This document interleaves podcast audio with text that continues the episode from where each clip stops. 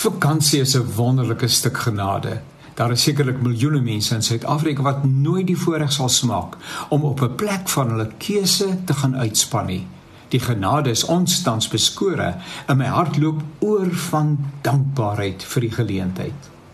Metafore is fenominale hulpmiddels om waarhede oor te dra. Jesus ja die Bybel maak royaal gebruik van metafore om waarhede en soms teregwysing of waarskuwings en vermaanings ook troos oor te dra. Metafore betrek nie net die intellek nie, maar die ryk wêreld van verbeelding, intuïsie, kreatiwiteit, oorspronklikheid ensovoorts. Wat die een persoon in 'n metafoor of 'n beeld raak sien en hoor, mag vir 'n ander persoon ontoeganklik wees en omgekeerd. Waar ons vakansie hou, is daar merkwaardige metafore. En vandag wil ek vertel van die een wat my lekker laat lag, maar ook laat wonder.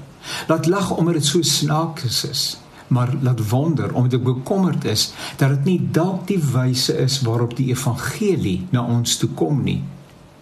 Die wêreld waar ons bly, voel my is vol waarskuwings. Ons eie blyplek, lieflik, funksioneel en baie netjies, het 'n ellelange inventaris wat in besonderheid nagegaan moet word wanneer 'n mens aankom en binne afsienbare tyd ingehandig moet word.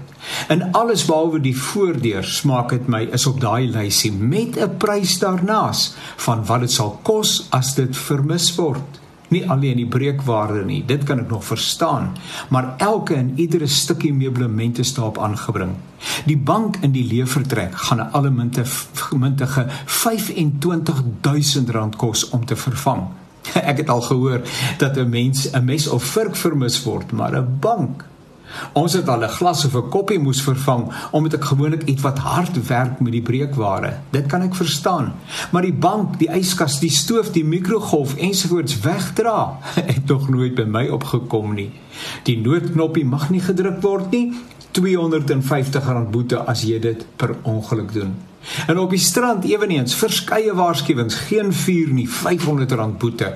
Geen geraas nie, R500 boete. Geen dit en dat nie, R500, ja, selfs R1000 boete.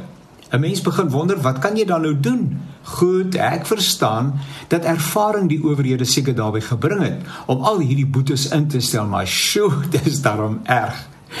Ek wonder of ons belewenis van God en die woord, die kerk en sy prediking nie so is nie.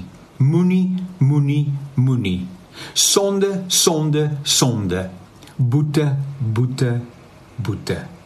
Dis jammer, want God het juis sy seun gestuur om die lewe in volheid vir ons te laat deurbreek.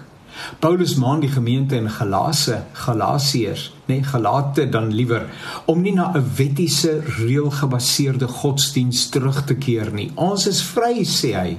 Leef ek en jy ons leef in daardie vryheid.